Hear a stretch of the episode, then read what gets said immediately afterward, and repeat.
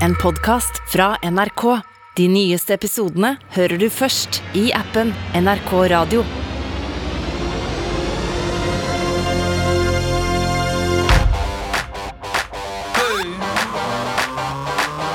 Popkorn over politikk med Sean Henrik Matheson og Gjermund Stenberg Eriksen.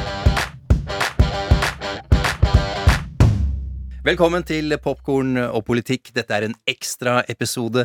Jeg heter Sean Henrik Matheson. Gjermund Stenberg Eriksen sitter her sammen med meg. God tirsdag. Eh, god tirsdag.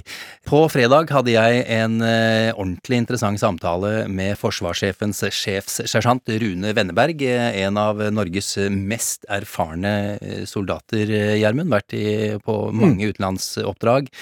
Sett eh, krigen i hvitøyet, for å si det på den måten. Eh, Vi skal høre mer eh, fra, fra Rune nå.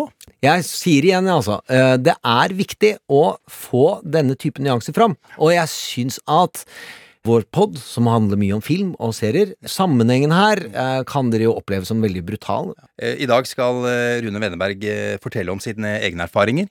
Hvordan det er å være soldat, hvordan stå i det når du er i skyttergraven og, og kuler flyr i alle retninger og, og bomber smeller overalt. Og det er jo ikke noe vi har hatt tilgang på, men man har det gjennom serier og film. Der vil jo jeg alltid trekke fram eh, Saving Private Ryan og Steven Spielbergs eh, verk, hvor han tok andre verdenskrig og endelig viste sånn du kan føle fysisk når du sitter i salen.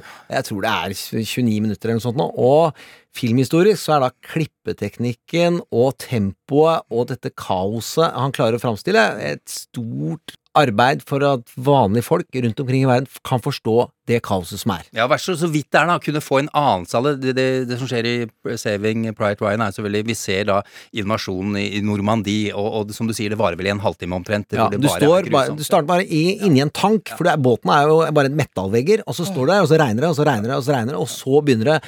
Se filmen, og så er det utro- lysepunkter i denne filmen òg, så det gå til den. Det er jo andre filmer også som har bidratt til at krig ikke blir den type rene helteepos der yay, som de heier på det. Eh, Du vil trekke fram Ja, om ikke en film, så i hvert fall serie Band of Brothers, eh, som også er eh, brutalt. Det er jo to sesonger der. Bygd på erfaringene fra Saving Pride Ryan. Ja. Altså, det er rett og slett en serie som oppstår. Altså, det du får til der, skal vi ikke ta det inn i en film og gjøre det langt, fordi det er ja, kjempebra. Ja, Første sesongen handler jo om, om Europa, andre verdenskrig der. Sesong to handler om det, det som foregikk i, i Stillehavet. Det, den orka jeg ikke se. Jeg, jeg så første episode, så, så orka jeg ikke mer, for den var også helt intens og brutal. For å være helt ærlig. Ja, det er jo også si, men, vi, altså ja, vil vi jo alltid nevne Hjortejegeren, som er en utrolig sterk fortelling som prega USA. Jeg vil trekke fram Platoon. Mm. Det er andre. Full Metal Jacket nevner vi nå. Den kommer vi tilbake til, for den gjør noe utrolig interessant. Mm. Og da endrer verdens syn på Vietnamkrigen. Mm. Eh, Og ikke det bare er et hippiefenomen. Mm. Eh, Da mente jeg det positivt. Altså at folk forsto at dette her er galskap, hvordan de kriger. Da fikk verden, resten, Mm. skjønne at det var de med lange hår og som sto og skreik. Mm. They did it for a reason. Den type erfaringer er det i denne poden dere går i dybden i. Jeg syns det er stor stas, og er stolt av eh, jobben du har gjort. Så. Ja, tusen takk skal du ha. Og Rune. Og, og og Rune Venneberg, selvfølgelig. Og, og vi må jo bare understreke her at én ting er jo å sitte i en kinosal og, se dette her og bli preget av det. En annen ting er ekte eh, og vonde og nære opplevelser som eh, vår gjest eh, Rune Venneberg skal fortelle om nå.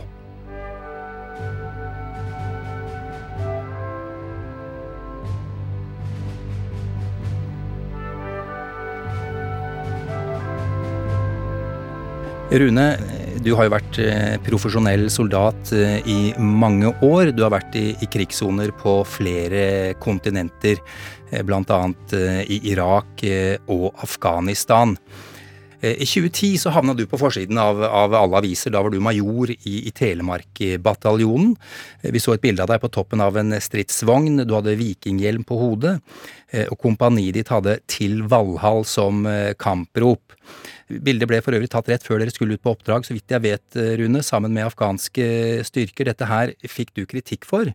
Men med tanke på det vi snakker om, hvorfor gjorde du det? Hva handla det om? Altså, sånne ritualer er jo mye av de samme ritualene du ser i idretten. det, det har med å sette fokus og samle. Det er som å gi hverandre en, en klem. Vi, vi, vi, fokuserer før vi skal ut på oppdrag, og man skaper en sånn tilhørighet til, til, oss som skal ut, og er helt avhengig av hverandre. Du fikk jo da kritikk for dette her, men, men nå som vi har en, ja, en grusom krig i vår egen eh, bakgård, eh, og ikke langt unna i, i, land vi liksom ikke kjenner så godt. Tror du, tror du at folk ville hatt et annet perspektiv på dette her i dag? Altså, jeg, eh, jeg, jeg syns jo at etter at norske forsvaret åpna opp om krigen i Afghanistan og, og, hva norske soldater opplevde, så opplevde vi en, en relativt unison støtte til måten vi, vi, gjorde det på. Sånn at den endringen vi gjorde med, med, å åpne opp Forsvaret, slippe til pressen på, på, godt og vondt, det gjorde at eh, både tilliten til oss som soldater økte, og forståelsen for hva som skal til for å lykkes som soldat i ekstreme situasjoner, økte også. Ja, det er kanskje noe som dere og du eh, og dine kamerater eh, som står i den situasjonen, selvfølgelig skjønner veldig godt, men som vi som står utenfor, ikke kan forstå, nesten. Nei, altså det, det, er jo ekstremt å være i en, en krigssituasjon. Eh, det, det, er jo noe av det mest ekstreme du, du, kan utsette folk for. Og mye av de mekanismene, mye av det språket, mye, mye av det, altså hvordan vi behandler hverandre og ta vare på hverandre, bygger den nødvendige tilliten, kan kanskje se litt sånn merkelig ut fra utsiden. Jeg husker jo etter at vi kom hjem fra Afghanistan, så fikk jeg veldig mye henvendelser fra blålysetatpersonell, altså ambulanse, politifolk eh, osv., som sier at vi driver jo med akkurat det samme. Vi har altså en ekstrem arbeidshverdag hver dag mm. på jobb i Norge med et blått lys på taket. Mm. Og mekanismene som, som dere beskriver, er, er, akkurat det samme hos oss. Er det en slags overlevelsesmekanisme? Ja, jeg tror det. Altså, det er rett og slett at vi, man, man gjør det som skal til for at, for at du skal kunne fungere og, og tenke klart. og, mm. og løpe den riktige veien. Mm. Altså mot der det skytes fra, og ikke fra. Ja. Og, mens alle instinkter sier det motsatte. Uff. Når du står der eh, i skyttergraven, og du er i kamp, kan du beskrive det for oss? Det, det, det er selvsagt veldig individuelt. Du kan, få, du kan få min versjon. Alt henger sammen med den mentale robustheten din som du kan bygge opp målbevisst over tid. Det henger sammen med treningsstandarden sin, det henger sammen med, med tilliten din. Men, men, for min egen del så er det veldig liten grad av, av frykt og panikk, men, men, det er en sånn veldig sånn skjerpa tilstand. Litt sånn uvirkelig ut av kroppen-tilstand. Eh, Hva med frykten? Er, har ikke du frykt? Det er mer en sånn der skjerpa ja. tilstand. Ja. Det er veldig lite sånn der eh, ren frykt som du ser på, på filmer ja. og, og, sånne ting. Det, det, har jo med hvor mentalt forberedt du er, og hvilken treningsstandard du har, og hvilke folk du er omgitt, og, og, og hvor mye du har sjøl kontroll på situasjonen og er i stand til å kontrollere situasjonen. Så det er liksom ja. At du kan dø. Hvordan forbereder man seg mentalt til noe sånt? Akkurat som forsvarsevnen til en nasjon også er avhengig av forsvarsvilje, så, finner du de samme mekanismene nede på soldatnivå. Du kan godt være, ha stor biceps, ha fin uniform og, og våpen og, og, godt trent, men hvis ikke du er villig til å risikere livet ditt for kameratene dine, mm.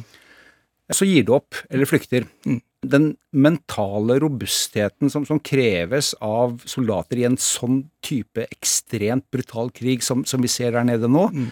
det krever mentale forberedelser. Du må rett og slett være påskrudd og være villig til å stå i en veldig krevende situasjon.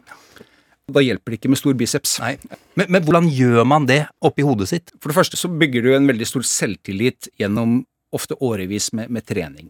For du har gjort ting hundrevis, tusenvis av ganger, sånn at du er helt trygg på når, når stresset kommer, og når min kognitive evne blir litt uh, redusert, så, så, går kroppen mer på, på en sånn automatisk modus, og så er du fortsatt i stand til å gjøre jobben din. Du, du har gjort det hundrevis av ganger før. Og, og, så er det den tilliten til at de gutten på din høyre side og jenta på din venstre side, du vet at du kan stole på dem. Mm. Og en av de viktigste mekanismene når du, når du ligger i en skyttergrav og kulene flyr, det er liksom ikke flaggets heder og ære som, som, som er det som får deg til å til å gå opp i stilling og begynne å, å, å jobbe med våpenet ditt, det er jo stort sett frykten for å svikte kameratene dine.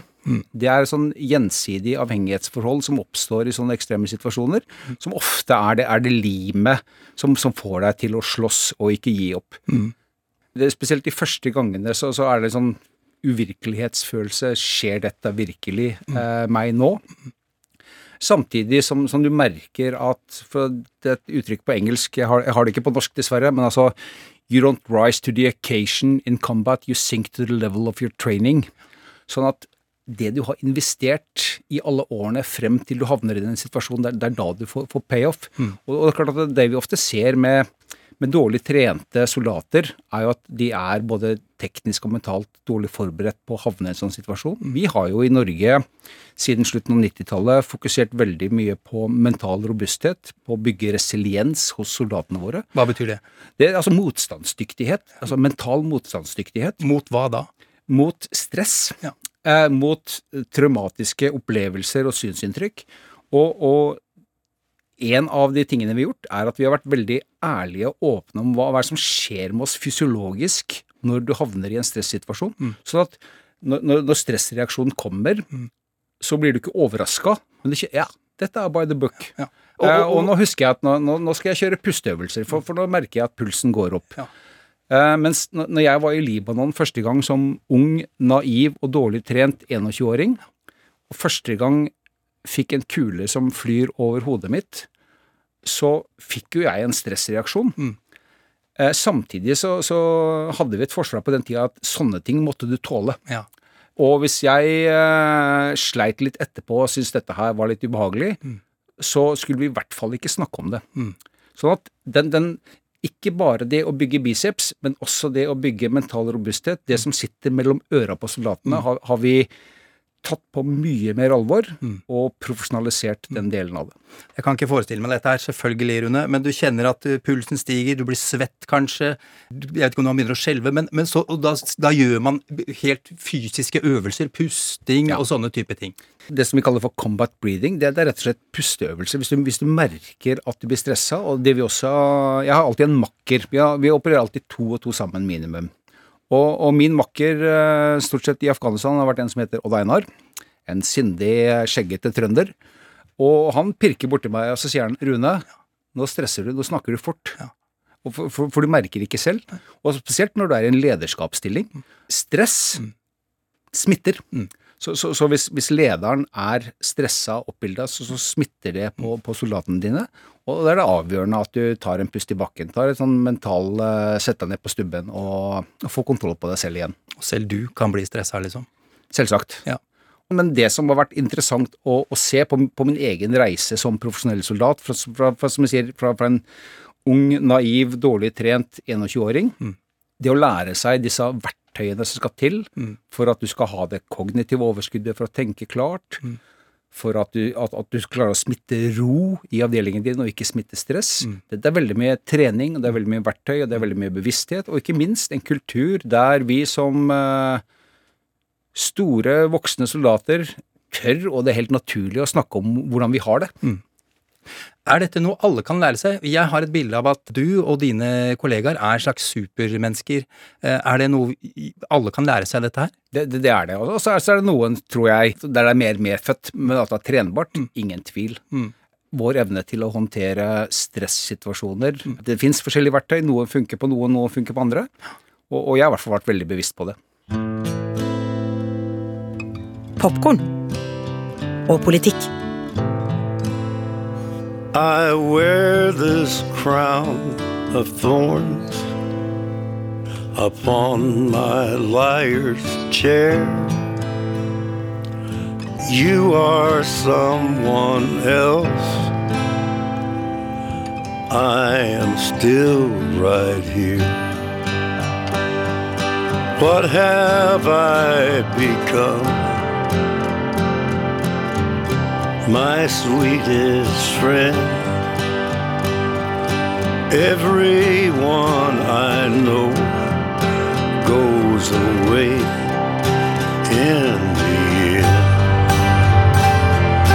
I would find a way. Jeg vet at du har eh, tatt liv. I, I hva slags situasjon har du vært i da? Altså Det er eh, Altså, moderne krigføring er veldig kaotisk. Altså, du, du kjenner deg sjelden igjen på det, på det du ser på, på film. Du, du, du, ser veldig sjelden motstanderen din tydelig. Du, ser munningsglimt, du hører kuler som uh, flyr over ørene dine, du ser nedslag, eksplosjoner. Uh, støvskyer fra motstanderens våpen når, når de skyter.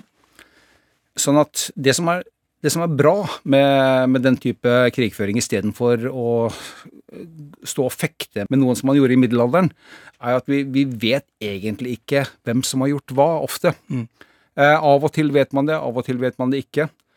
Når dagen er over, så er det litt fint å ikke vite alltid mm. eh, om det var du eller, eller makkeren din. Mm. Og så er man jo også soldater. Det, det er liksom tabubelagt å snakke om, uh, eh, syns jeg. Men, men, altså, soldater må jo selvsagt være i stand til å ta liv. Mm.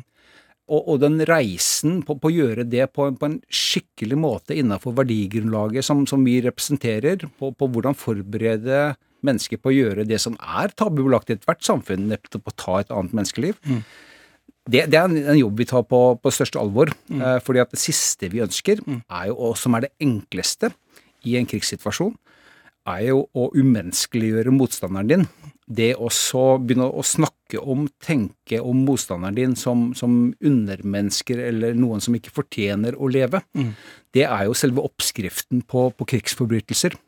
Sånn at vi i Vesten, og spesielt i Norge, er, er altså helt avhengig av at den, den tilliten Altså, vi, vi forvalter jo statens voldsmonopol, ikke sant? Og, og, måten når vi er nødt til å bruke makt, så, så, er det helt avgjørende for oss at vi kan kunne se oss selv i speilet etterpå. Mm. Og det krever at uh, utvelgelsen av soldater er veldig viktig for oss. Måten vi trener på det, det er veldig verdibasert. Mm. Og så har vi funnet en måte som, som, gjør at det fungerer veldig bra for oss. Hva mener du med verdibasert? Prioritet nummer én i det norske forsvaret er ikke F-35 eller ubåter det er kjerneverdiene våre. Respekt, ansvar, mot. Det har forsvarssjefen vært, vært veldig tydelig på. Mm.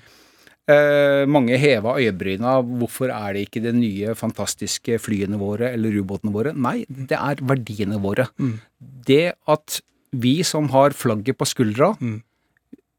hvis ikke vi er i stand til å etterleve de verdiene som samfunnet forventer oss, så fortjener vi ikke å forsvare landet. Og, og det har vært, vært fascinerende å jobbe med med forsvarssjefen som har vært så fokusert på dette her. Han er jo en krigsveteran selv, ja. og har innsett at uh, han ønsker norske soldater som er verdibaserte. Mm. Vi skal kunne se oss i speilet etterpå. Og du har sett deg i speilet etterpå, Rune. Hva, hvordan har det vært? Hva, hva, tenker du på, hva snakker du med dine venner om da, og kollegaer? Når jeg ser meg i speilet, så, så, så lever jeg veldig fint med det. Og det tror jeg er på grunn av at vi har gjort ting riktig. Vi, vi har ikke tatt livet av uskyldige sivile. Vi har ikke begått krigsforbrytelser. For det er klart at min mentale helse, hvis jeg hadde gjort det, selv om det føltes riktig der og da fordi at da var jeg sint og forbanna, eh, så hadde jeg vært på et helt annet sted i dag. Mm. Og omdømmet, ikke minst til Forsvaret, hadde vært på et helt annet sted i dag. Men snakker dere om det? Altså, vi, det... vi, snakker, vi, snakker, veldig mye om det. Ja, og for, Nå er det en stund siden du var ute. Er det fortsatt noe du snakker om? Hvordan, hva, minner, hva, hva, slags minner har du om det? Er det noe du bærer på, på et vis? Du, du bærer jo på det. Det har jo selvsagt forma deg. Man kan aldri vite hvordan man hadde vært hvis man ikke hadde vært med på det. Vi møtes ofte. Mange av de som, som jeg har vært ute med, er jo fortsatt tjenestegjørende soldater. Eh, de som har blitt sivile, vi, vi, møtes med jevne mellomrom, og så setter vi oss ned, og så drikker vi oss ikke fulle, men vi, vi setter oss ned og snakker om hvordan vi har det. Mm. Eh, noen har slitt, de deler erfaringer. Da gjorde jeg sånn, og det funka for meg. Og det er jo vår evne til, til å ta vare på hverandre. Og vi, vi føler jo et kjempeansvar for hverandre. Som, som, kommer til å vare livet ut. Altså det, det kameratskapet og den avhengighets opplevelsen vi har hatt av hverandre mm. å være i ekstreme situasjoner, det, det er jo en, en sak som, som, som, som, varer livet ut. Mm. Og det er jo som å eh, om, om, Hvis det er liksom fem år siden vi, vi har sett hverandre før, og så er det som vi så hverandre i går. Vi er rett tilbake til der vi var sist. I'm like a soldier getting over the war.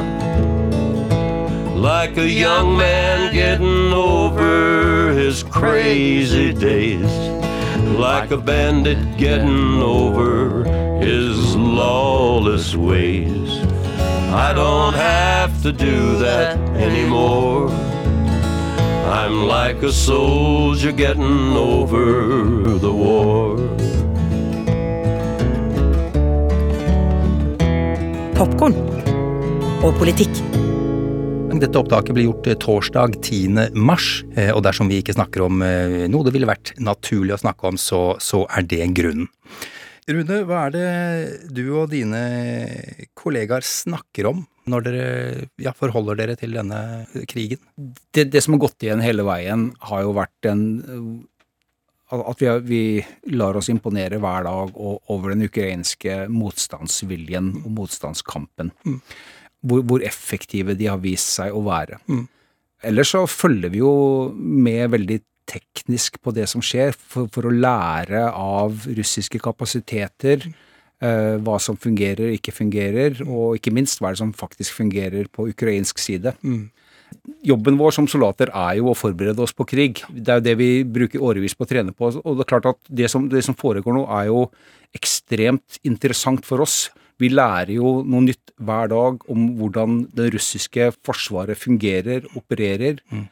Eh, vi får bekrefta en del antakelser vi hadde før krigen. Vi ser en del nye ting. Mm. Sånn at uh, alt dette her vi, vi, sitter jo, og det gjør jo alle vestlige land, og, og, suger til seg de erfaringene som kommer nå. Nye lærebøker eh, skrives uh, på, på, et vis? Uten å ljuge engang, så kan jeg jo si at vi har jo fått økt tiltro til vårt eget system, vår egen måte å, å lede på. Mm.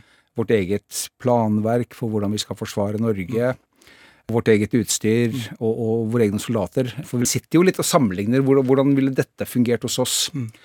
Ja, dere, eh, dere har scenarioer. Okay, hvis de hadde kommet eh, til oss gjennom Nord-Norge, hva hadde vi gjort da? Nå bruker dere den kunnskapen på å, sånne type tankeeksperiment. Det, det, er klart, altså, det, Dette er en unik mulighet for oss for å lære og forstå bedre hvordan russere opererer, tenker, og hvilke muligheter og begrensninger de, de viser på stridsfeltet. Ja, Men man skulle jo tro at også russerne lærer av sine feil nå? Ja. Det kommer de til å gjøre. Og vi forventer jo at For russerne er jo ikke dumme. Eh, tvert, tvert imot. De bare har et, et, lederskap og noen verdier og organiserer seg på litt sånn i våre øyne dysfunksjonell måte. Mm. Eh, sånn at for å nå målene som, som, Putin har satt for seg, som, som, vi tror er å ta kontroll på Ukraina mm. og sette inn sin egen styresett der, mm. så, så, er de nødt til å lære. Og vi, vi ser jo tendenser til det nå. Den økte voldsbruken er jo ett tiltak som de ser gir bedre resultater. Mm. De klarer ikke å oppnå sine militære målsetninger med å samtidig hensynta sivilbefolkningen. Ved å øke voldsbruken, sivile tap, så ser de at de i større grad klarer å oppnå sine militære målsetninger. Mm. At de er villige til å betale den prisen, mm syns vi er skammelig og trist, men, men, det virker jo som de er det.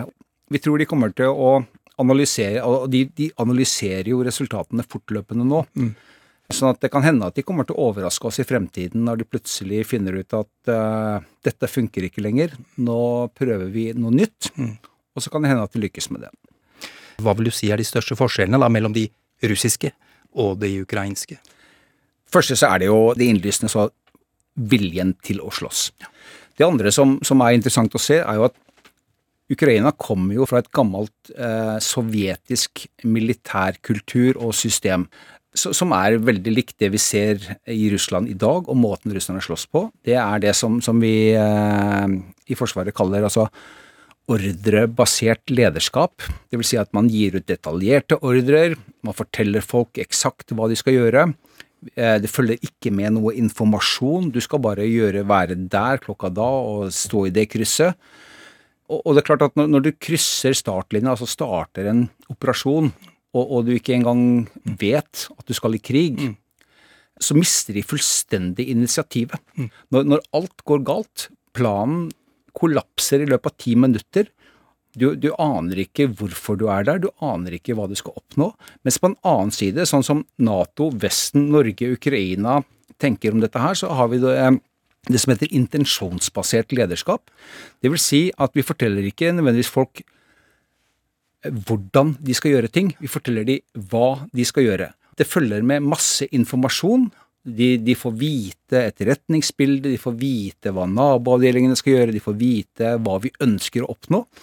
Og så motiverer vi til å ta initiativ. For når planen ryker, så vet du fortsatt hva, hva sjefen ønsker, og så finner du på noe annet. Og ukrainerne har vært veldig flinke. De har de siste årene bygd opp et sånt profesjonelt sersjantkorps, som vi også har gjort i Norge de siste årene.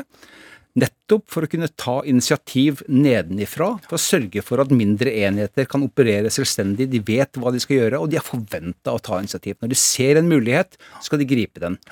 Eh, Og da er jo det vi leser om i avisene nå, eh, igjen da, at når du står der, du tror du skal på øvelse, du har ikke peiling på hva som skjer, så går moralen rett i dass, for å si det sånn. Klart de gjør det. Ja. De russiske soldatene er jo vanlige mennesker, de også. Og klart kombinert med en lederstil som vi snakker om, som også er ekstremt disiplinert. Altså, altså russiske offiserer og russiske sersjanter behandler soldatene sine dårlig. Du, du får altså ikke noe tillit til ledelsen av at du eh, straffes for, for den minste ting. Du, livet ditt reguleres fra du står opp til du legger deg. Mens, mens ukrainerne har en mye mer vestlig tilnærming til det, der, der vi ser mennesker, vi informerer, vi inkluderer, og, og gjennom det så, så skaper du selvsagt både evnen til å ta initiativ, men du skaper også motivasjon, og, og du skaper tilliten til lederne dine, som jeg er ganske sikker på de russiske soldatene mangler fullstendig nå. Nå er det mange ukrainske soldater som også mister venner, kameraten sin, partneren sin kanskje, det har jeg antar at du også har opplevd. Hvordan forholder du deg til det, og, og dine, igjen dine venner? Det, det er som du sier, og jeg tror den, den slitasjen det er på både den sivil, altså ukrainske sivilbefolkningen og slitasjen på, på de ukrainske soldatene med å miste venner, spesielt soldater som, som lever med usikkerheten på og kanskje ikke vet helt hvordan det har gått med familien sin hjemme, som gjør at hodet ditt er et annet sted. Eh, Det er, et glass som, fylles opp ganske raskt. Og så håper jeg jo og tror da at, at, at eh, den ukrainske forsvaret har, har gode mekanismer på å, å, å ta vare på den mentale helsa til, til soldatene sine. Det kommer jo helt an på evnen deres til, til å rullere ut, fordi at, som jeg sier, glasset blir fort fullt. Det det er mye stress, det er mye adrenalin, det, det er redsel, eh, det er lite søvn over tid, dårlig kosthold. Og til syvende og sist så, så sier kroppen stopp. Sånn at viktigheten av å klare å rullere soldatene ut, få en, en pust i bakken før de skal tilbake igjen. Lykkes de med det, så klarer de å holde ut mye lengre. Rullere Ja, du sa det nå egentlig. Ja. Du, du skifter ut uh, mannskapet, rett og slett. Ja. Fordi at det er klart at uansett hvor sterk du er, så, så, så har alle mennesker et, eh, et punkt der, der nok er nok. Ja. Og eh, det har vi sett i utallige kriger at det, det er viktig å ivareta Tenke langsiktig. Og jeg tror ukrainerne er smertelig klar over at dette kommer til å vare lenge, og at de er nødt til å ta vare på soldatene sine på en skikkelig måte. Og selvfølgelig også når denne krigen en gang er ferdig, så er det jo viktig å ha et apparat da også, selvfølgelig, og, og, og ta vare på veteranene. Ja, og ikke minst, altså det, det, det som risikerer, er at du har traumatisert 44 millioner mennesker. Det er jo, det er jo ikke bare soldatene. Jeg, jeg tror slitasjen på sivilbefolkningen, er, som, som er kanskje dårligere forberedt på dette her, er, er minst like høy. Sånn at selv om fred reetableres og grenselinjene settes og russerne trekker seg tilbake, så står de igjen, vasser i ruiner, dårlig økonomi, med dramatiske opplevelser. Så at jeg håper virkelig at vi fortsetter å stille opp etter at freden kommer opp. For, for det er virkelig da de, de, de trenger hjelp.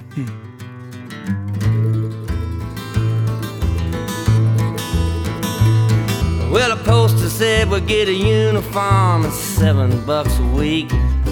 Best rations in the army and a rifle we could keep. Well, his eyes were cold as the lead and steel forged into tools of war. I took the lives of many and the souls of many more. Goddamn you, man, my color, hate you more than any other man alive. Yeah. Be a foot soldier just like me. In the devil's infantry. Popkorn og politikk.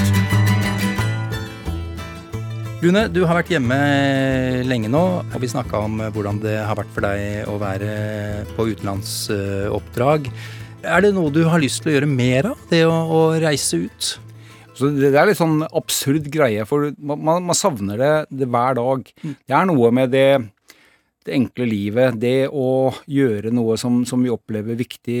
Leve enkelt og være avhengig av hverandre og ikke måtte bry seg om høye strømregninger og covid og alle disse hverdagslige. Sånn at eh, de aller fleste av oss eh, er erfarne soldater, vi savner faktisk å være ute i, i sånne misjoner. Og så er det jo litt for at vi, vi glemmer alt de dårlige dagene som også er på sånne, sånne oppdrag. Men det er klart at hadde jeg fått eh, muligheten eh, nå Mm. Unnskyld, Kristin, det er kona mi. Så, så, hadde jeg, eh, så hadde jeg reist på dagen. Vi får satse på at hun ikke hører på, på Rune. Ja, du hadde det, ja. For meg virker det veldig rart, men igjen, jeg har ikke peiling. Men jeg tenker at man skulle utsette seg selv og Kristin for dette her igjen. Men du tenker da på en annen måte enn meg, eller hvordan kan det forklares? Altså, det, det å være soldat er, er jo mye mer en livsstil enn en jobb. Det er jo Identiteten min er jo å være soldat. For, for meg så er det egentlig utøvelsen av, av hvem jeg er, og, og, og kunne gjøre jobben sin. Og så opplever vi, vi har vært heldige å få være med på en del operasjoner som vi opplever som meningsfulle. Der, vi, der vi vet at vi gjør en forskjell for folk, der vi vet at vi redder liv. Uh, og vi alle går jo og håper på den, den ideelle operasjonen der vi slipper å bruke makt, men der vi kan gå inn og, og virkelig gjøre forskjell. Det er litt sånn utopisk, men, men, men uh, det er sånne ting vi skulle ønske vi fikk oppleve litt oftere. Rune Wenneberg, tusen takk. Du har hørt en podkast fra NRK. De nyeste episodene hører du først i appen NRK Radio. Hva har skjedd i løpet av natta? I appen NRK Radio samler vi alt du trenger for å forstå Ukraina-konflikten. Jeg syns det var nok fra før, og så kom det bare enda mer oppå der. På et busstopp i Ukraina klamrer en far seg til den lille datteren sin. Hver dag skjer det ting som påvirker oss. Vi stiller spørsmålene og forsøker å forstå. Vi må tilbake til de gamle grekerne for å forstå begrepet oligark. Hvorfor det? Det er heftige greier. Last ned appen NRK Radio og finn ut hva som ligger bak alle overskriftene fra Ukraina. NRK Radio. Vi hører sammen. James Francis Ryan of Iowa. Yes, sir. Uh, Peyton, Iowa. That's correct. What, what is this about? Your brothers were killed in combat.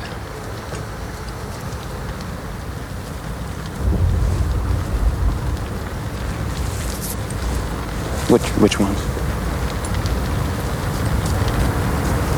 All of them.